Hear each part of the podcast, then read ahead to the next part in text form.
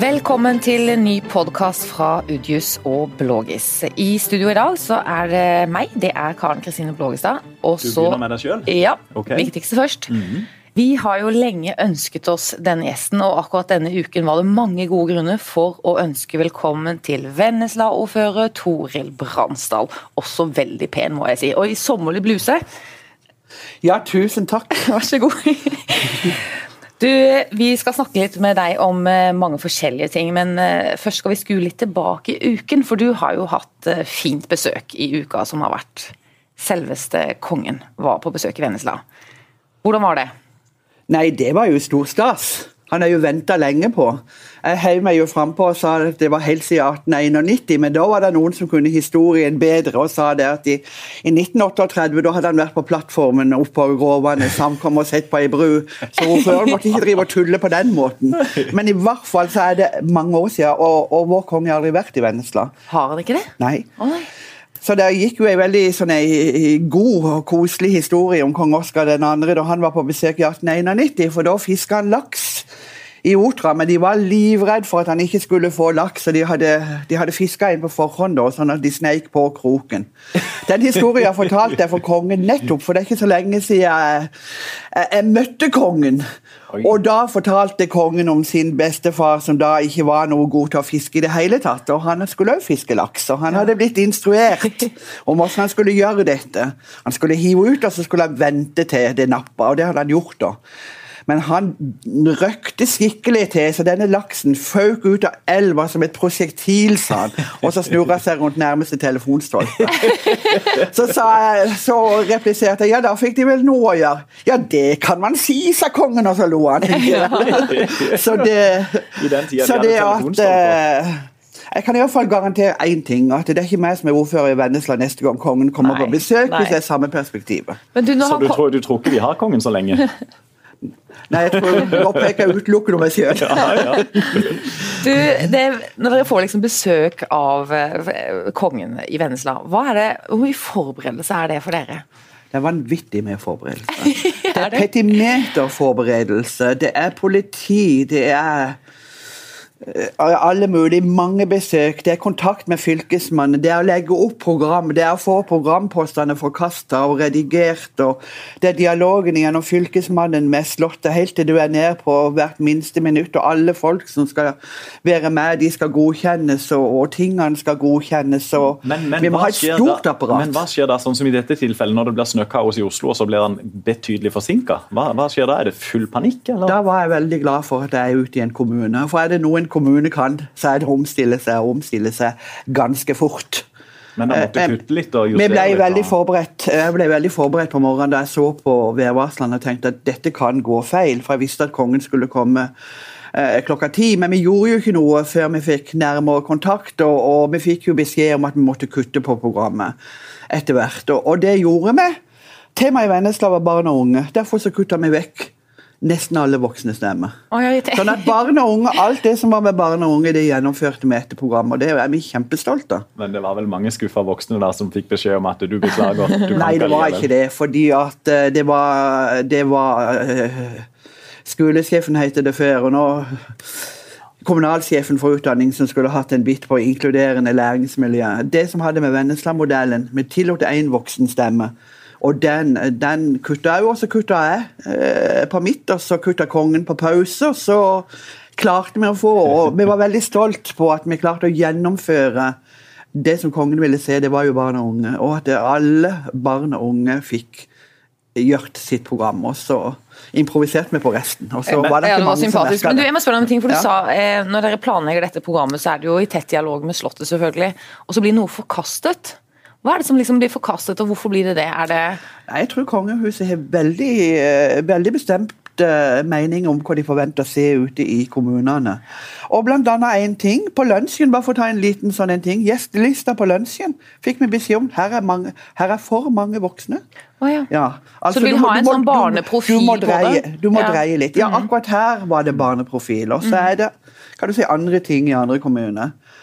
Og jeg håper jo at det var barneprofilen de ville ha, fordi at vi gjør jo utrolig mye spenstig når det gjelder barn og unge på, på mange områder. Mm. Men du, før du lister opp og begynner å skryte veldig av Vennesla nå, Toril, for det er sikkert lett å få deg til å gjøre det, men Ja, men, men jeg har jo lyst til å si at det, Ja, så kommer det. Så kommer det. Nei, de gjør ikke det. For i et av innleggene og det gjaldt på Vennesla-modellen. Og på det, og da var uh, Raymond Bærøe, som hadde det som er vår SLT-koordinator, veldig tydelig og, og beskrev hvordan forholdene var i Vennesla. Mye fyll og og, og, mye der. Så det var ikke punting, kan du si. Det var ikke bare et sånn et fint bilde. Det var en rapp eksempel, der innvandrerungdom beskrev hvordan det var å være utenfor og ikke inkludert, og, og prøve å syne et bilde av hvordan det er å leve som ungdom i dag. Ja. Så det var ikke bare glansbilde. Men du, jeg må spørre deg litt. Ordfører eh, i Vennesla, Toril Bransdal. Som ordfører, derfor sier jeg det litt høytidelig. Når du har hatt dette besøket denne uken, og liksom kommunen står på hodet, og dere har forberedt dere, og forberedt dere, forberedt dere, forberedt dere. Hva sitter dere igjen med? Vi sitter igjen med utrolig mange glade folk som er utrolig stolt for at kongen har vært i kommunen vår.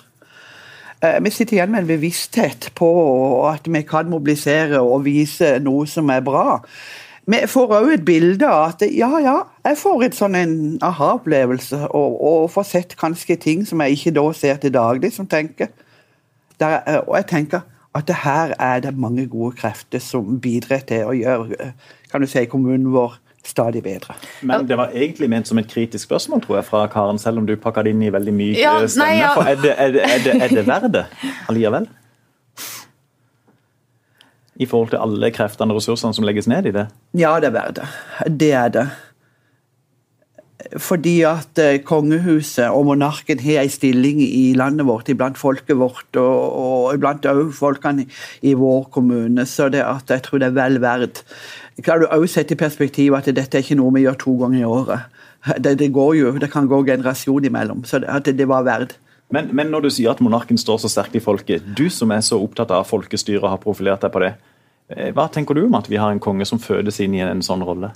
Jeg tenker på at eh, Skulle vi ha oppretta monarkiet i dag, så hadde vi aldri gjort det.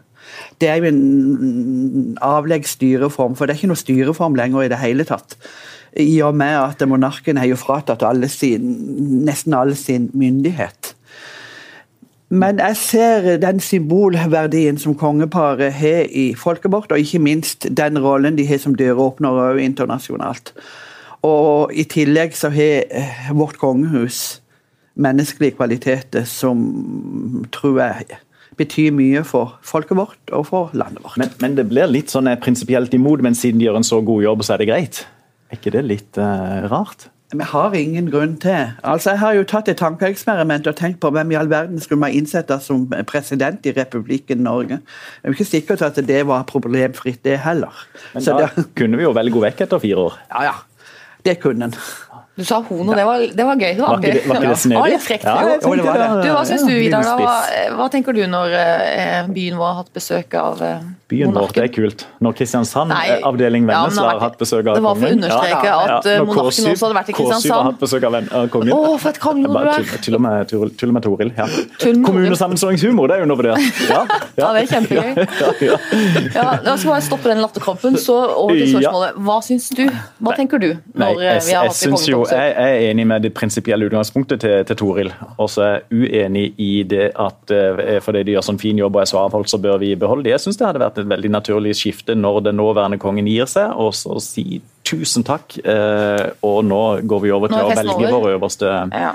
fremste leder, eh, eh, ville jeg tenkt. Og sånn sett så syns jeg jo det mm, ja, jeg, jeg syns rett og slett alle kongebesøkene ser prikk like ut. Når jeg ser de på, på, på nettet eller på Dagsrevyen eller TV 2 eller i våre aviser, så syns jeg det ser ut som det er veldig mye av det samme rundt forbi. Så tenker jeg òg at ehm, ja. Nei, jeg vil heller spille ballen over til deg, Karen. Hva, hva tenker du? Jo, jeg vil uh, gjerne fortelle litt. For at jeg, var og fulgte kongebesøket en gang eh, i eh, Aust-Agder. Uh, det vil si, det var ikke kongebesøk, det var kronprinsesse Mette-Marit og kronprins uh, Håkon. I motsatt rekkefølge. Må- Ja, riktig. Åh, det er så mye å huske på også, det er så mye etikette. og blir ja, ja, stress, det det. Kjempestress. Ja, men da fulgte jeg dem i mange kommuner i Aust-Agder gjennom en, det var flere dager. ikke sant? Sånn at Da på en måte får jeg se hele linjen i besøket, for å se hvordan alle kommunene presenterer seg selv. Og sånn. Og jeg må si at etter noen eh, kommunebesøk så, så syns jeg det ble litt sånn kleint, det ble litt sånn flaut. For da kom liksom alle disse ordførerne Vise frem barna sine, dytta frem barnehagebarn.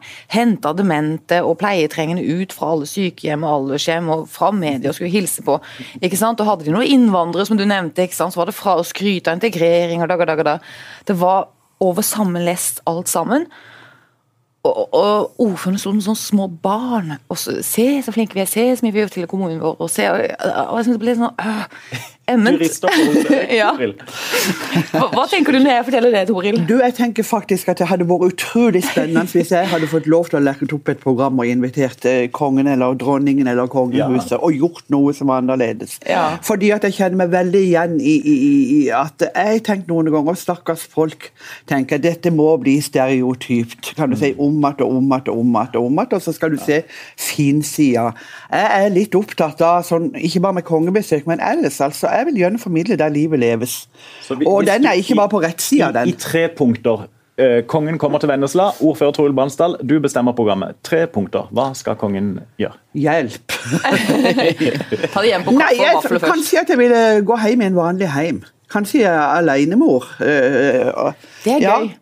Og det er gøy. Ja, altså gjøre noe helt hverdagslig. Ja. Det var da, da kronprinsessa var Hun har jo også vært i Vennesla for ikke så lenge siden. Da var vi på et heimebesøk faktisk, gjennom Frivilligsentralen. Og det var utrolig spennende, for da fikk du en helt annen dynamikk. Ja.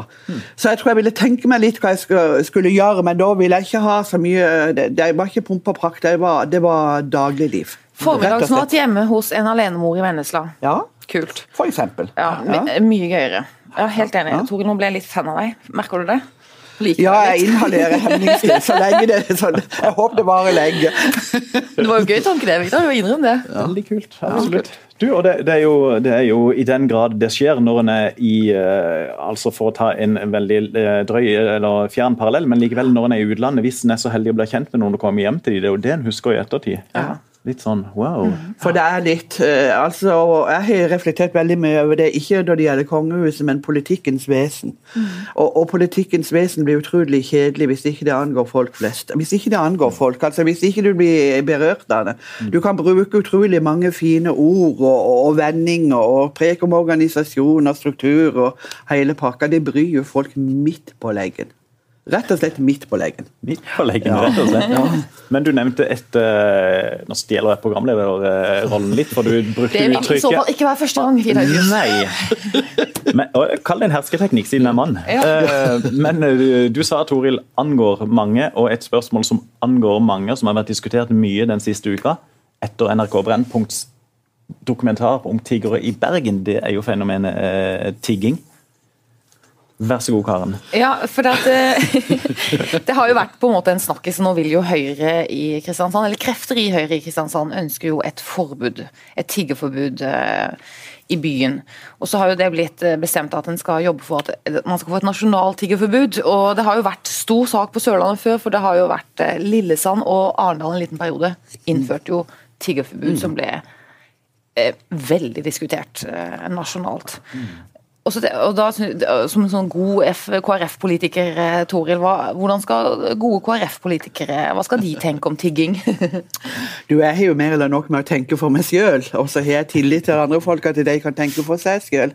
Men jeg er veldig Altså, for meg hjelper ikke noe tiggerforbud i det hele tatt. Det må være lov til å be om hjelp i Norge. Og så har vi lov, For den kriminelle virksomheten så har vi lov. Og vi har òg politi som kan overvåke, overvåke miljøene og gripe inn dersom det er nødvendig. Eh, Men, men å be om hjelp det må være lovlig. Altså, Da får vi et samfunn som jeg ikke vil ha, rett og slett. Men er det litt lett for deg å si? For dere har vel ikke så store eller Tiggingen er vel ikke så synlig i gatene i Vennesla som det er i Markens, f.eks. i Kristiansand? eller? Ikke så mange, men det er tiggere i Vennesla òg, og de sitter, de sitter og står synlig. Er det det, gjør de. er det også av samme etnisitet som er problematisert i NRK? Er det romfolk liksom? Sånne? Ja, det vil jeg tro det er. Uten at jeg har spurt, men av utseendet så kan det se sånn ut. Mm. Du, Jeg blir jo fan av Tore Brann, jeg kommer jo til å ende opp som sånn KrF-velger i slutten av dette programmet. For jeg syns jo også veldig sterkt at det er ikke tiggingen som er problemet, det er kriminaliteten bak, og det har vi lover mot. Og Vidar, du, hva mener du? Uh, jeg, jo, uh, jeg som han ordføreren de fortalte om i Agder tidligere, som aldri hadde vært i, uh, i et mindretall. Alltid vært på parti med flertallet. Ja. Men du, Vidar, jeg, er helt, er helt enig i utgangspunktet. Samtidig så har jeg tenkt en del i det siste, og også før, før, den dokumentaren, for jeg er jo veldig enig i at kriminelle forhold skal håndteres som kriminelle forhold, og der har vi lover og regler. Men jeg tenker samtidig det er litt lettvint av oss også å bare si at vi er imot tiggeforbud, og så ferdig. For det at når en går forbi, jeg går av og til forbi Vesterveibroa og kikker ned der som disse menneskene bor, og hvor de da lever store deler av sine liv i helt umenneskelige forhold. Vi hadde, vi hadde aldri godkjent det hvis det hadde vært nordmenn, etniske nordmenn som holdt til eh, under slike forhold. Eh, og Dette er jo en del av en kultur som dessverre eh, har gått i, i, generasjoner, og hvor jeg tenker Et stort dilemma ved å fortsette å la folk tigge, det er at de fortsetter å tigge. Og at sjansen derfor er stor for at de også lærer sine barn opp til at ja, dette er den måten vi i vår kultur lever våre liv på. Helt forferdelig. Men har, har, jeg, har jeg noe, noe fiksfaks oppskrift? Absolutt Nei, og det er jo det som er poenget, for jeg er veldig enig. Men hva er alternativet for noe, da? Og alternativet, for Det er jo grusomt å se på disse under brua her, og ikke minst når du ser i Oslo, altså den søppelhaugen og det der søppelhaugen de produserer. Og reise ifra madrasser, reise ifra alt og bare flytte rundt. Og, dette blir jo akkurat uh, litt parallell på at vi preker om at dette med å være sosialklient kan være nedarvet i generasjoner. så dette, Hvordan kan du få til å bryte et mønster? Det er jeg veldig enig med deg. Mm. Og så er det vanskelig ja. også, fordi det er jo egentlig ikke liksom vårt problem. Det er jo ikke vi som kan bryte det mønsteret. Det er uh, folk som bor og har statsborgerskap i andre land. Det er litt komplisert, da. Ja, ja, absolutt er det det. Og jeg, jeg har en, eh, en, tidligere kollega og en kamerat som bor i Slovakia. Eh, og en, en, åpen, liberal eh, ung mann. Som sier at den slovakiske regjeringa har brukt altså utallige millioner på å prøve å, å bryte det mønsteret i lokalmiljøene der nede. og han sier at det, det, det klarer vi bare ikke, sier han. Den kulturen er så enormt sterk. Og så vil sikkert mange av disse romfolkene som vi har sett i andre TV-programmer og reportasjer, si at vi får aldri noen sjanse i dette storsamfunnet som vi er en del av. Eh, så, så Sånn sett er det jo nokså uløselig tilsynelatende fra, fra vår side. Men samtidig tenker jeg det er et ok enkelttiltak som da eh, politikerne her i Kristiansand har eh, gått inn for, nemlig å skulle være med å finansiere en sånn markedshall i, i, byen hvor en del tigere kommer fra, i, i, et slags håp om at det kan kanskje bli et eller annet tiltak som kan eh, friste til en form for næringsvirksomhet der nede. Men, men eh, nei, sannelig ikke lett. Eh, men jeg tenker punktet må bare ikke settes etter at en er mot tiggerforbud. Nei. En er ikke ferdig med. Nei, og det er bare, det løser ikke noe det motsatte heller. Hvis du er for, så løser du heller ikke problemene. Du løser ikke, du bryter ikke mønstrene. Du gjør ikke det, så det er kjempevanskelig. Og så er det jo eh, en mangfoldig gruppe som er på besøk i Norge. da, og Millions of people have lost weight with personalized plans from Noom, like Evan, who can't stand salads and still lost 50 pounds. Salads, generally, for most people, are the easy button, right? For me, that wasn't an option. I never really was a salad guy. That's just not who I am. But Noom worked for me. Get your personalized plan today at Noom.com. Real Noom user compensated to provide their story. In four weeks, the typical Noom user can expect to lose one to two pounds per week. Individual results may vary. Når du sitter og ser den Brennpunkt-dokumentaren, og du vet hvilke etiske utfordringer og hvor alvorlig vi har tatt det her i Norge da, og diskutert det fenomenet i mange år, og hvordan folk, og hvilket raseri det har skapt, og, og alle som prøver å på en måte ta dette med litt sånn humanisme. Så kommer disse skurkene og liksom ødelegger så utrolig. Blir litt, du blir nesten litt sånn forbanna på det. De ødelegger så mye for mange fra sitt eget land også, som faktisk bare kommer for å holde fram en kopp, og hvor det er reell nød. Nei, det er, veldig, det er veldig leit, rett og slett. Ja, og jeg tror det, ja, som vi har snakka om, jeg tror det, det, det, er veldig få som har noe quick fix på dette. her, ja. Eh, noe, noe, noe fasitsvar på det. Så.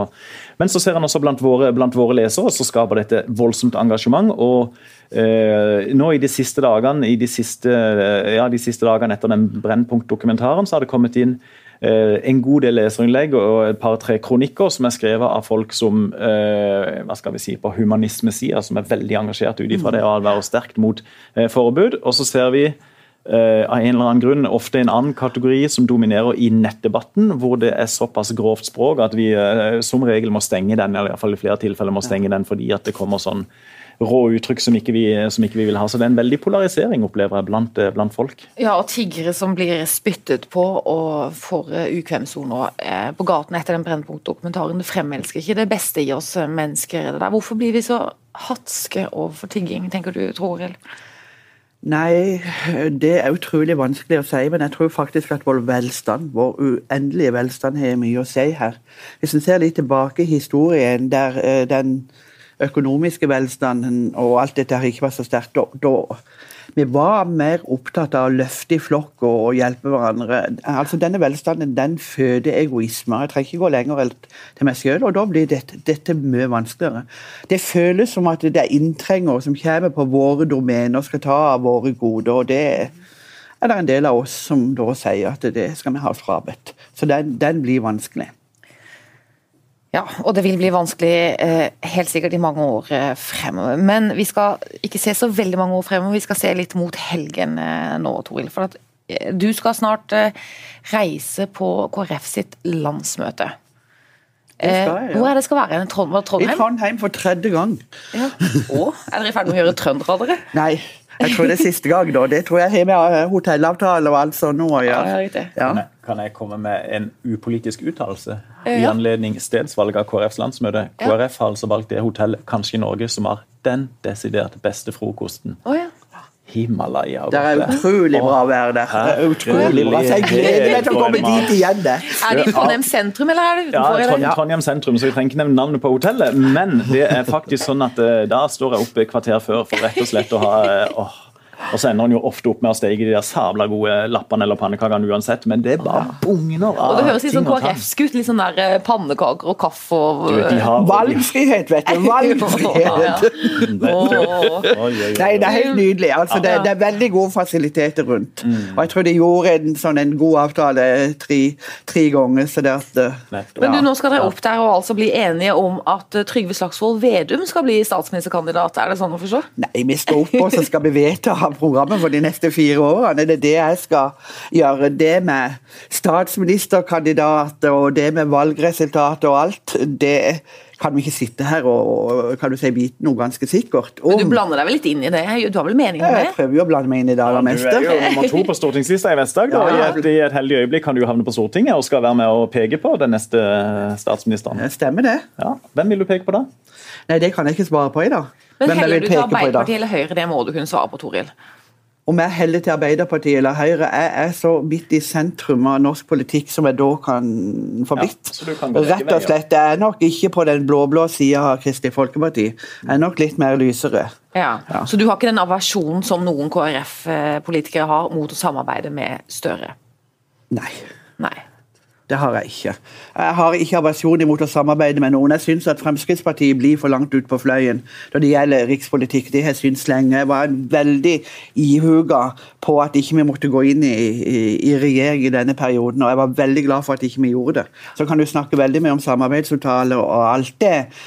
Men det er jo de politiske sakene, og det er gjennomslaget. Du kan jo analysere Høyre. Du kan, ja, Høyre er jo noe av det beste, da, men analysere den liberalistiske delen av Venstre. Og se på de landsmøtevedtakene som det er der. Altså, Vedtakene som Arbeiderpartiet gjorde på sitt landsmøte, de blekner jo i forhold. Så, så, så det er Hvorfor er det så stas med Venstre for KrF? Jeg vet ikke. Eh, det vet jeg. jeg tror, der, ligger, der ligger jo en del tradisjon i samarbeid i sentrum og, og, og dette med Venstre, Senterpartiet, KrF. Eh, så, eh, så det er jo noe der. Og så har det jo vist seg at uh, selv om det er primærstandpunktet, så er partiene fleksible og kan finne fram til, til, gode løsninger.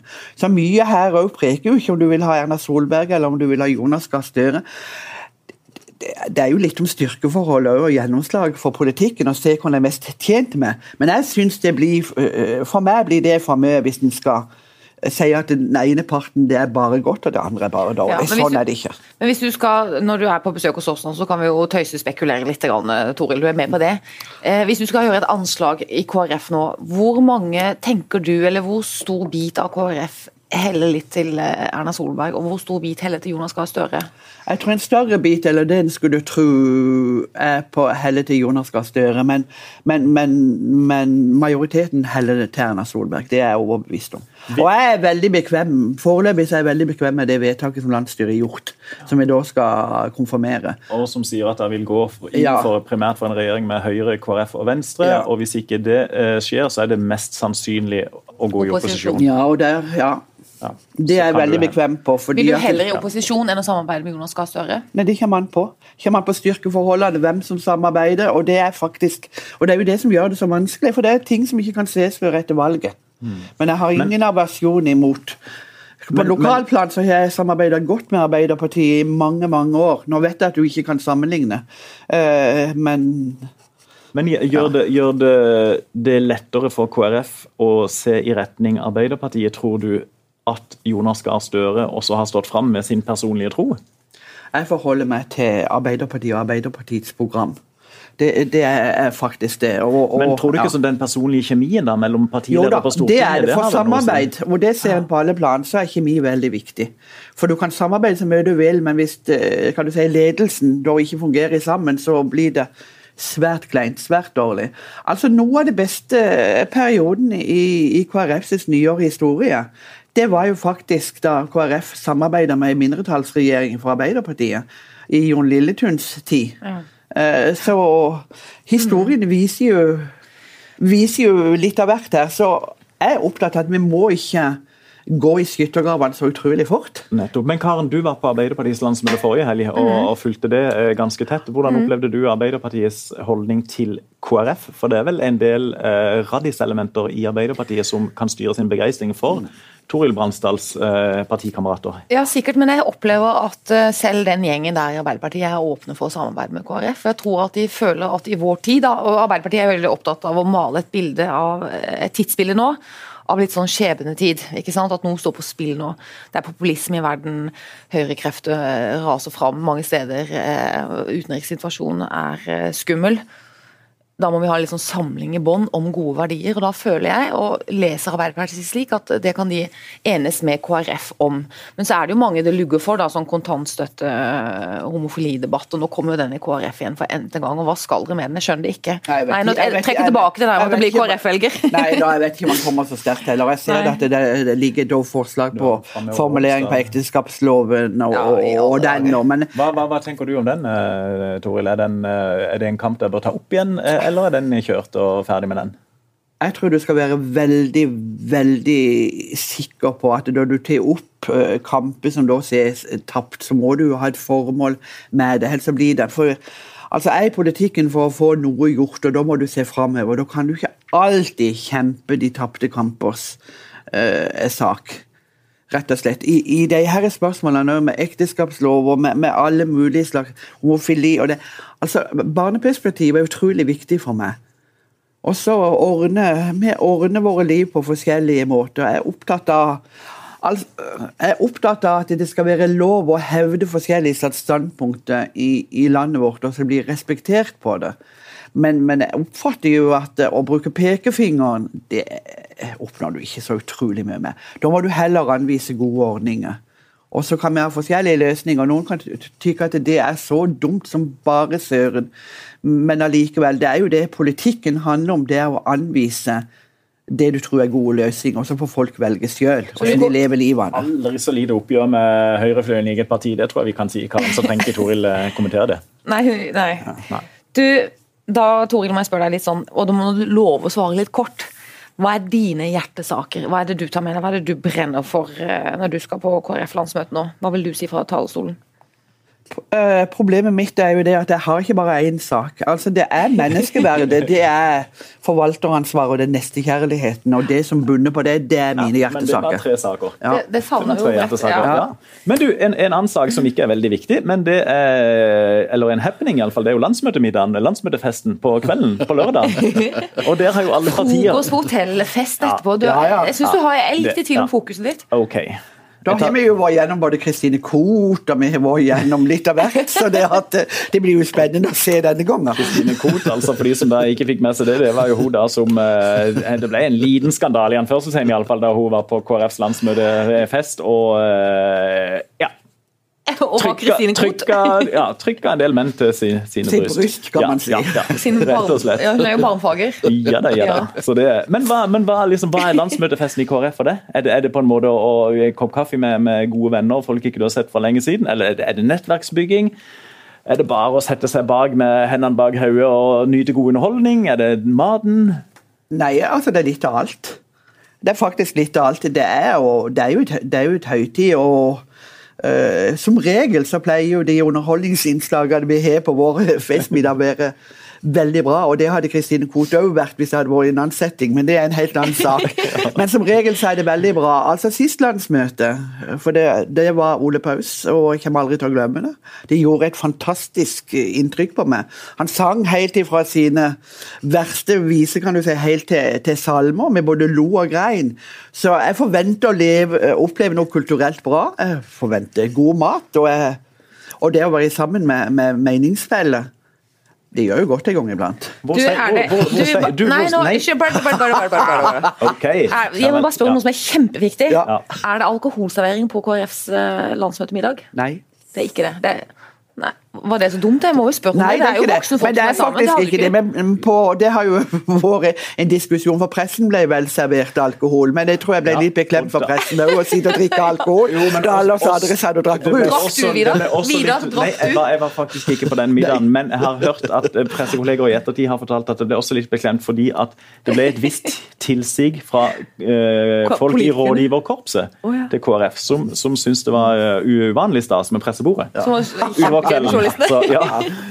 Men nei, nå glemte jeg hva jeg skulle spørre om når du, eh, Nei, når men vi du fikk avklart ned det viktigste. Du, hvor, hvor, se, hvor seint går du da kvelden natta for din del på en sånn landsmøtefest? Jeg går stadig tidligere og legger meg, og det har noe med alderen å gjøre. Eh, Men, men det er jo fest på en litt annen måte, fordi at eh, det jeg var vant til, det er da middagen er ferdig. Da setter du deg inn en eller annen plass og snakker sammen med folk. og, og sånn. Det ja. Så er det ikke nachspiel på rommene, liksom, og helt sånn eh, Nei, i hvert fall. Jeg har aldri vært med på noe nachspiel i, den, si, i det ordets forstand. Jeg var jo så blå i det at jeg visste ikke hva nachspiel var for jeg var godt voksen. Så det at, Senterpartiet var jo også hadde sitt landsmøte i Trondheim nå litt tidligere i vår. og Der var det en kollega fra en annen mediebedrift som altså Jeg lurer på om han sa at han gikk og la seg i halv tre-tida. Og i halv fire-tida så var det altså noen som dro opp fela ut på ganga ut Ja. forbi, og så dro i gang altså eh, bygdefesten. Eh, hedensk moro. ja, ja, men altså, det er bra å ha det moro, men det er nok ikke de tradisjonene i vårt parti. Nei. Det er det nok ikke. Men vi har det utrolig moro. Det er mye latter og mye humor og, og mye gøy. Ja. Det, eh, det går an å ha det gøy uten alkohol. Du, 1. mai det er det også til helgen. Har du noen tradisjon for hva du gjør da? Jeg har jo ikke tradisjon rent personlig for meg sjøl, fordi at jeg bor i den delen av kommunen som er tufta på bondesamfunnet og på Ja. den. Men Vennesla-samfunnet som sådan var 1. mai mye større enn 17. mai. men er det det? Eh, men hvor, hvor viktig er 1. mai i dag i Vennesla? Den er nok mindre viktig i dag, eller den var kan du si, på, på høydepunktet, men, men der er arrangementer, der er tale, og der er Så det at uh, fremdeles er- er det viktig. Ja, men når du er ordfører der nå, da deltar du vel litt på første Da, da mai-arrangement? deltar Nei, for det er, et, det er et Arbeiderparti. Så det er Det er et Arbeiderparti-arrangement, eh, så det at jeg deltar ikke okay. som ordfører. Men, men, hvor, men hvordan holder på å si, holder, holder du den hviledagen hellig? 1. mai? Eller, eller, eller vil vil, jo si går du da ut med en plenklipper som bråker? eh, Nei, du gjør ikke det. det du, du gjør ikke det. Og det er det selvfølgelig forskjellige tradisjoner for. I hvert fall så skal du ikke sjenere eh, de som du da vet dette er viktig for. 1. mai er jo viktig for meg òg, men jeg setter den litt i et annet perspektiv. fordi at internasjonal solidaritet og, og, og kampen, kan du si kvinnekamp og, og det er mange kamper som er utrolig viktige å holde i hevd i dag. Og solidaritet og det samfunnet vi har opparbeida, det gjør seg jo ikke sjøl. Så jeg heier, jeg heier på 1. mai, Ja. men, men, men ikke bare som kan du si, men som en videre greie, da. Men har det vært sånn kiving i Vennesla-historien mellom bondekultur og arbeiderkultur 1. mai og helligdagen og sånn, at en går, kjører litt traktor og Nei. Eh, altså I Nedre Vennesla, da var det det var mer hellig eller eh, 17. mai. Ja. I andre deler av kommunen så var det jo ikke de tradisjonene. Nei. Men allikevel så, så var det jo en offentlig fridag. Ja. Jeg tror nok at det var noen aktiviteter, men ikke de mest høylytte alltid. Så hadde jo selvfølgelig alltid de som skulle protestere mot 1. mai, da. Men det vil du jo få til alt. Karen, hva er ditt forhold til 1. mai? Eh, Jeg har et sterkt forhold til 1. mai. Jeg har vel ikke gått i noe tog, men jeg flagger alltid. Og jeg har, jeg har et stort hjerte for dagen, på en måte. Fordi at Fordi at jeg syns det er en sånn dag hvor Ja, det er litt sånn samling i bånd, som vi nevnte litt tidligere i eh, sendingen. Og så setter sette litt pris på på hvor vi er og hvilken velferd vi har oppnådd for så mange. Og også at eh, som jo man kan takke mye arbeiderkultur og organisering for, at vi har eh, utviklet oss til et bra samfunn å leve i for både arbeidsgivere og arbeidstakere osv. Var, det- var det riktig svar? Det hørtes ut som du leste opp fra en 1. mai-tallet du skal holde i uh, Eidehavn. Jeg har vært i, i, på Ap-landsmøtet i helgen, så jeg er litt sånn miljøskadd ennå, kanskje. Men uh, det kom Kamerater, sier du når du kommer hjem i Ja. Ja. Nei, jeg gjør ikke helt det. Jeg kommer jo fra bondekultur selv, så, men jeg har et stort hjerte for 1. mai. det har jeg. Og vet du hva, Jeg fikk så utrolig lyst til å gå ut og kjøpe sommerklær når vi hadde besøk av Tore Brandstad i dag. Du hadde så fargesterk og fin sommerbluse, så jeg har lyst til å ta helg egentlig nå. Kan vi det, eller må vi jobbe litt til, kanskje? Du vet, Denne podkasten skal eh, forhåpentligvis gå og lyttes til flere dager, så vi kan ikke si hvilken dag vi spiller den inn på. på. Nei, nei, nei. Tore Bransdal, det var en stor glede og en ære å ha besøk av deg i podkasten vår. Det kan godt hende at vi kommer til å invitere deg igjen. Ja, men det var spennende. Ja, ikke sant? Det Det var det. var ganske spennende å være med. Men du syns det gikk fint? Gjorde du ikke det? Jo I hvert fall til reaksjonene kommer, så, så vil jeg jo tro at det gikk fint. Men eh, jeg klarer veldig godt det òg. Jeg pleier å si det jeg mener, og stå for det jeg mener, så det er greit. Det er det beste i lengda. Tusen takk for at du kom, i hvert fall, og tusen takk til deg, Vidar Udhus også. Du klarte deg også bra i sendingen. Ja, takk skal du ha. Du, du eh, begynte jo med å introdusere deg sjøl først, så du vil kanskje ha siste ord også? Tusen takk spesielt til alle lyttere som hørte på, og vi høres igjen.